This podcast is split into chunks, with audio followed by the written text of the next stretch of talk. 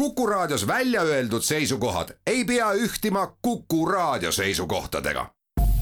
Te kuulate Kuku Raadiot.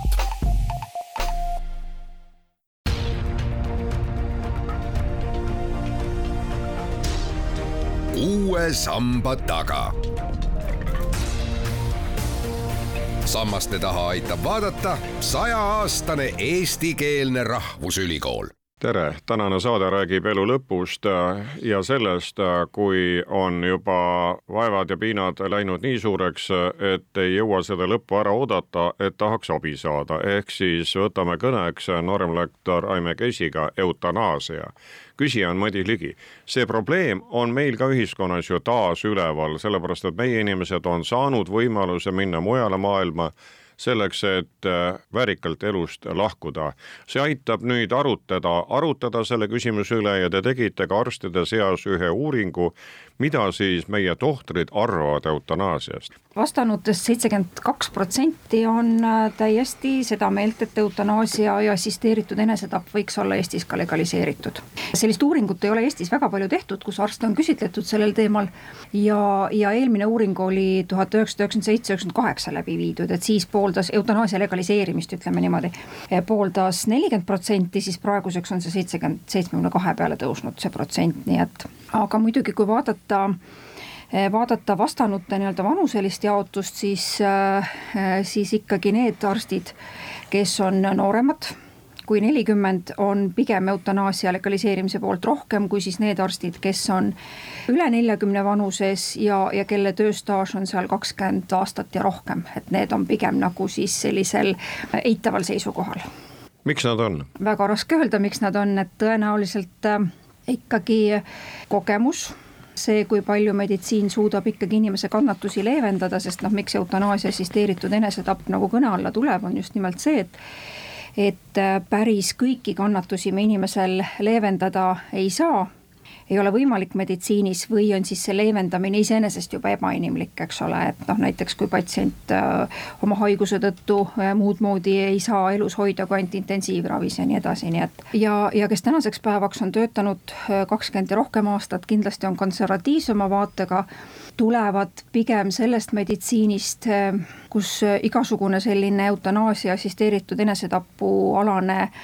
temaatika oli ka keelatud või noh, ütleme, et ta ei olnud tab-, ta oli tabu, eks ole, et sellest üldse nagu ei räägitud, eks ole, et inimest pidi, pidi ravima ja aitama siis, siis kuni lõpmatuseni, et mis siis, et, et see ravi võis ka kannatusi põhjustada. kui vaadata nüüd näiteks kas või neid valimiseelseid lubadusi, mis on välja käidud, siis sealt lööb ka välja, et algatada arutelu eutanaasia küsimuses see näitab, et tunnetatakse probleemi. jaa, kindlasti tunnetatakse probleemi, aga, aga üks põhjus, miks ka meie teadusgrupp selle, selle uuringu initsieeris, on see, et, et meil on lähenetud tõesti nagu ühiskonnapõhiselt ja, ja, ja patsiendi vaatest, et me ei ole nagu küsitlenud, et mida meie arstid sellest arvavad, sest eutanaasia ja assisteeritud enesetapp, no neid ei õpetata ülikoolis, eks ole, et meil õpetatakse ülikoolis ikkagi, et esmane on elu säilitamine. Ja need uuringud, mis on näiteks Hollandis tehtud, kus on arste siis küsitletud, et milliseid emotsioone ja tundeid see eutanaasia assisteeritud enesetapu läbiviimine neil tekitab, siis äh, ikkagi pooled, kaks tuhat üheksateist see uuring ilmus uuringu tulemused ja, ja, ja ligi pooled ikkagi tunnevad emotsionaalset stressi, sest tegemist, äh, osad äh, vastanutest tõlgendavad seda ikkagi kui tapmist ja elu võtmist, mis, mis arstile on võõras loomu poolest ja, ja emotsionaalset stressi, nii et, et meie eesmärk oli vaadata siis ja küsitleda nii-öelda arstkonda, et äh, kuidas, kuidas nemad suhtuksid, kui peaks olema eutanaasia legaliseeritud Eestis aga kuidas meil praegu on, kui keegi tunneb, et ta ikkagi haigusest võitu ei saa ja palub nii-öelda piltlikult öeldes tepsi seinast välja tõmmata ja voolikud tagant ära võtta, kas tohter peab patsiendi soovi arvestama? Põhimõtteliselt meil patsiendi soovi elu lõpus tema, tema soovide arvestamisega, ma saan aru, on, on keeruline. meil ei ole sellist, sellist mõistet nagu patsiendi testament ehk siis see elu lõpu testament, kus inimene saaks, saaks kirja panna, et mida ta siis soovib, et kui ta on teatud seisundis elu lõpus ja tema käest enam küsida seda ei saa. ja, ja sellepärast arstid pigem on ettevaatlikud selles suhtes ja patsiendi soovide suhtes, ja aktiivse ravi lõpetamine näidustusel konsiiliumi korras absoluutselt loomulikult seda tehakse, eks ole, aga aga pärast aktiivse ravi lõpetamist me ei saa ka patsienti kannatama jätta, nii et, et see parim teadaolev toetav ravi ikkagi kestab nii kaua, kuni siis elupäevad kestavad. Jah, kui selle soovi juurde tulla, võivad siis lähedased ju pärast öelda, et mine tea, et kas tal ülemine korrus oli ikkagi korras, võib-olla ei olnud adekvaatne. just, ega seda tahet ju kuskil praegu fikseerida ei saa, eks ole, et kus patsient saaks nagu digilukku või, või, või siis notari juures äh, kirja panna, et jah, see on tema soov ja tahe olnud, et praegu seda, seda sisuliselt ju ei ole eutanaasia puhul võime siis rääkida nii selle meditsiinilisest kandist kui eetilisest poolest äh, ning siin on oma vaateid ilmutanud ka ju kirik. Lühidalt neid lähenemisi sellele teemale on mitmesuguseid. Ja meie küsimustikus oli ka küsimus, kas äh, vastajad peavad ennast usklikuks või mitte ja ja, ja nagu Eesti laialt äh, võttes on selline usuleige maa, siis, äh, siis ka arstkonna hulgas ikkagi enamus vastanutest ütles, et nad ei ole usklikud muidugi tuleb lisada veel ka juriidilised probleemid, kuidas kõik Pokstavid on selle küsimuse paika pannud ja kas on? absoluutselt, et see, see seadusandlus muidugi jääb juristide kanda, aga, aga võrreldes siin noh, vaadates näiteks Hollandi seadusandlust, et äh, lihtsalt Hollandi kohta on kõige rohkem nagu infot kätte saada. ja, ja nendel eutanaasia on legaliseeritud aastast kaks tuhat kaks siis, äh, siis seal ikkagi see, see, see päris ei käi niimoodi, et ma astun uksest sisse ja ütlen, et ma nüüd tahan surra, vaid seal, seal äh, need soovi ja tahteavaldused lähevad komisjoni ja, ja komisjon vaatab need üle ja, ja võimalik, et äh, ka on protsent, mis, kus keeldutakse eutanaasiast, nii et. ehk siis igaks juhuks on mitu astet? absoluutselt. kui mõtleb ümber, siis mõtleb ja, ümber, see on ja, inimese vaba tahe. absoluutselt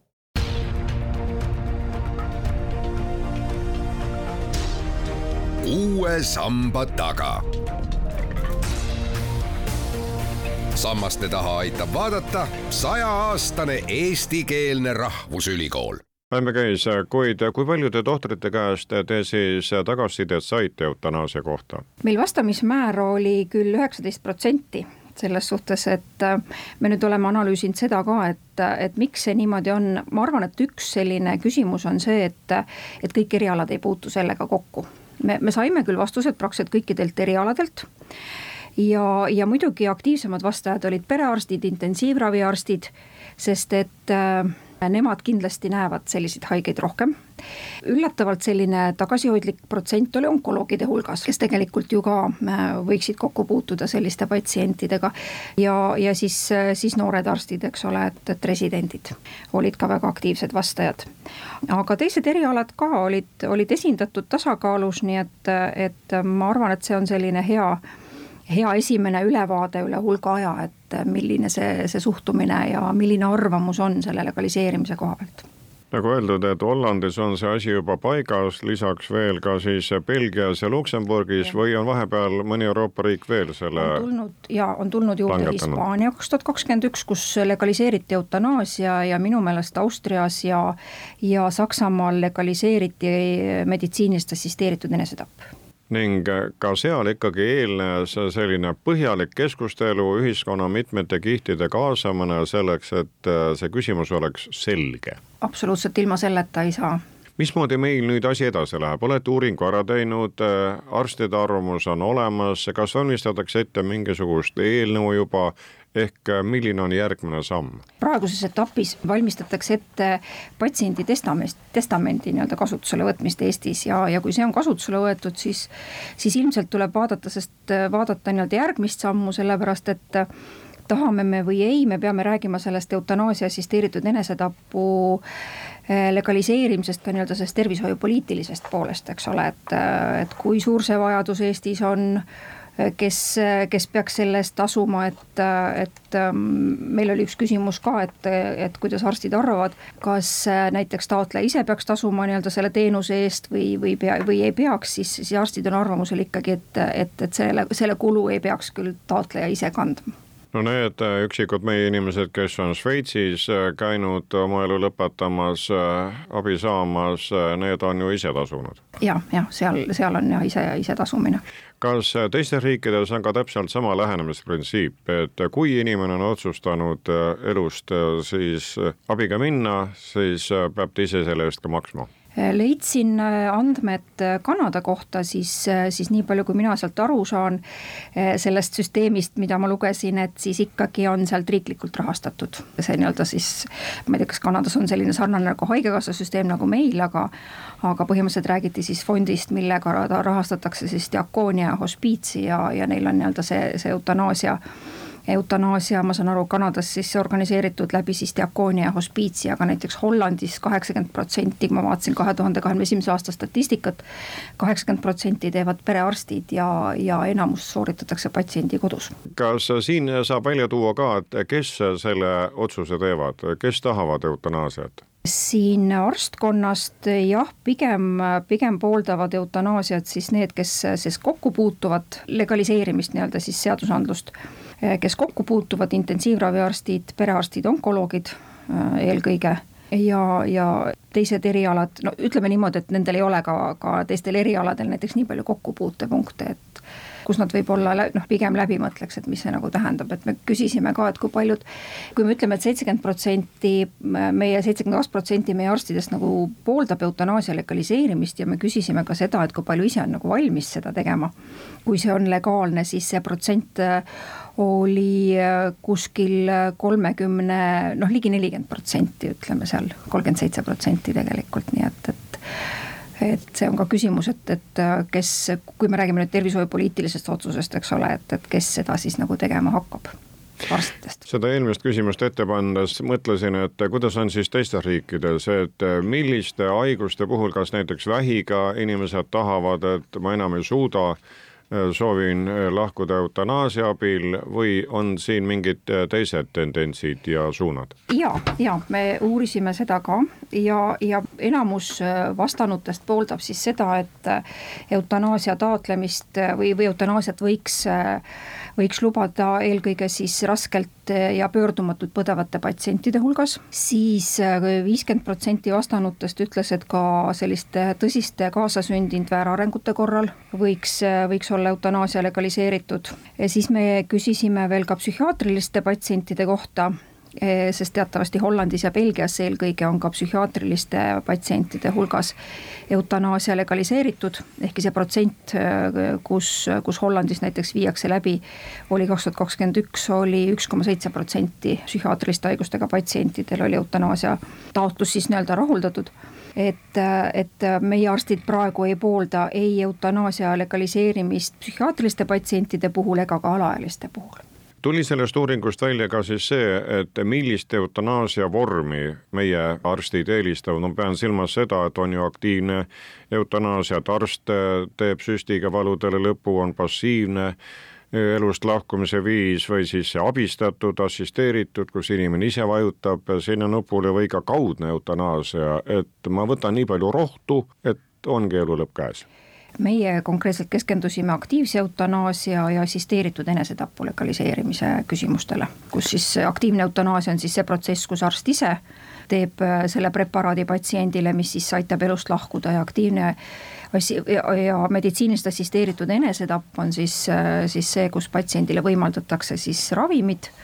äh, mida ta saab siis ise sisse võtta no meil on olnud vist isegi ka üks rahvaalgatus selleks, et seda eutanaasia küsimust rohkem päevakorda tõmmata. ja, ja seda on olnud äh, siin, siin äh, järjest, järjest ma ütleks aktiivsemalt ja rohkem ikkagi kerkib seda, seda uuesti nagu ühiskonnas see, see teema nagu kerkib ühiskonnas ikkagi jälle üles kuid kui vaadata nüüd siit Eestist natukene kaugemale, siin kolmele Euroopa riigile sai juba viidatud, Kanada oli jah neljas. kas on veel kusagil see küsimus sellisena üleval, et, et arutame asja, kas äkki ei peaks astuma järgmist sammu? Neid riike kindlasti Euroopas on, et äh, näiteks Suurbritannias on ka väga levinud selline eutanaasia turism, et, et nad sõidavad Šveitsi elu lõpetama, et, et nad, nad arutavad täpselt samamoodi ühiskonnas ja seal on ju märksa suurem ühiskond. et ega see eutanaasia ja assisteeritud enesetapp ei ole sellised teemad ja selline seadusandlus, mis, mis, mis väga lihtsa, lihtne oleks, oleks nagu vastu võtta, et see näitab seda ka seda riikide vähesust tegelikult, kes on legaliseerinud selle küsimus on äärmiselt delikaatne ja ka raske. absoluutselt ja, ja see on ka, ka arsti jaoks raske, eks ole, et et see, see koormus, see vastutus ja, ja, ja see emotsionaalne pinge sinna juurde, et päris kindlasti on see raske, jah. võime käis võrdlema veel neid Eesti ja näiteks kas või Hollandi andmeid, kus see küsimus on võib-olla kõige rohkem ühiskonnas läbi räägitud, et mida see võrdlus näitaks, et millised arstid on siis valmis ja räägime kohe ka rahast ka juurde et kes selle küsimuse peaks lahendama? Küsimusele, et kas, kui eutanaasia ja assisteeritud enesetapp Eestis oleksid legaalsed, siis kui paljud äh, näiteks perearstidest ja intensiivraviarstidest on valmis seda ise tegema, siis äh, meie Eestis vastanutest perearstidest üheksakümmend protsenti on valmis ise äh, sooritama seda, kui see on legaalne ja intensiivraviarstidest siis nelikümmend kuus protsenti, et näiteks võrdluses Hollandis kaheksakümmend protsenti perearstidest teeb seda, teeb eutanaasiat või viib läbi nii-öelda eutanaasia ja assisteeritud enesetapuprotseduure ja, ja ülejäänud protsent siis, kes, kes ei ole nagu noh, nõus, et arst ei saa sundida selleks päris kindlasti ja kohustada selleks, eks ole. et siis, siis selleks on vastavad kliinikud Hollandis, kus siis patsient saab elust lahkuda kas meil on siis asi teie arvates praegu juba nii kaugel, et tulevastele arstidele tuleb õppeprogrammi kirjutada ka mõni kursus või loeng või mitu loengut eutanaasiast, et nad oleks ette valmistatud, et nad oleksid selle teemaga rohkem kursis? meil praegu meditsiinieetika õppes äh, on selline loeng äh, ja, ja selline seminar olemas, aga kindlasti ähm, kliinilise praktika arenedes peaks arst saama sellel teemal äh, veel informatsiooni juurde ja pigem ei ole seal küsimus niivõrd sellest, selles protseduuris, vaid just nimelt selles, et kuivõrd eetiline on ikkagi inimese kannatusi leevendada, vabandust, mitte leevendada, vaid inimese kannatusi pikendada, kui me ei ole võimelised seda leevendama. kas kavatsete siis mõne aja pärast taas küsida Eestimaa arstide käest, mis nad eutanaasia kohta arvavad nüüd on vaja natukene neid andmeid töödelda veel, analüüsida ja siis minna edasi? ja me valmistame nüüd ette publikatsiooni publitseerime need andmed ja, ja kindlasti vaatame, millal võiks, võiks uuesti seda, seda uuringut või nii-öelda seda küsitlust arstkonna seas, seas siis läbi viia. kuid kas olete kursis, on plaanis ka mõnes teises valdkonnas mõni taoline küsitlus või uuring läbi viia, et tagasisidet ühiskonnas saada eutanaasia kohta? Kui me lähme selle teemaga edasi, ma mõtlen, et tervishoiupoliitiliselt, eks ole, tervishoiupoliitilisel tasandil juba, et otsused langetatakse siiski, eks ole, kui seadusandlus on valmis ja, ja riigikogu on selle kinnitanud ja president välja kuulutanud. aga kindlasti tuleks nüüd kaasata, kaasata juristide arvamus ja, ja ma usun ka erinevate ühiskonnagruppide arvamus, eks ole, et, et ka loomulikult religiooni esindajad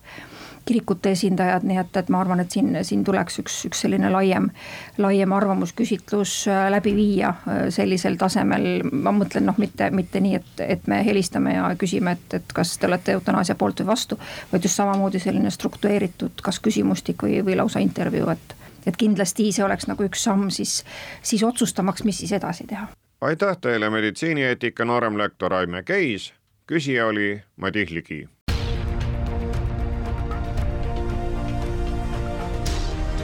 uue samba taga. sammaste taha aitab vaadata sajaaastane eestikeelne rahvusülikool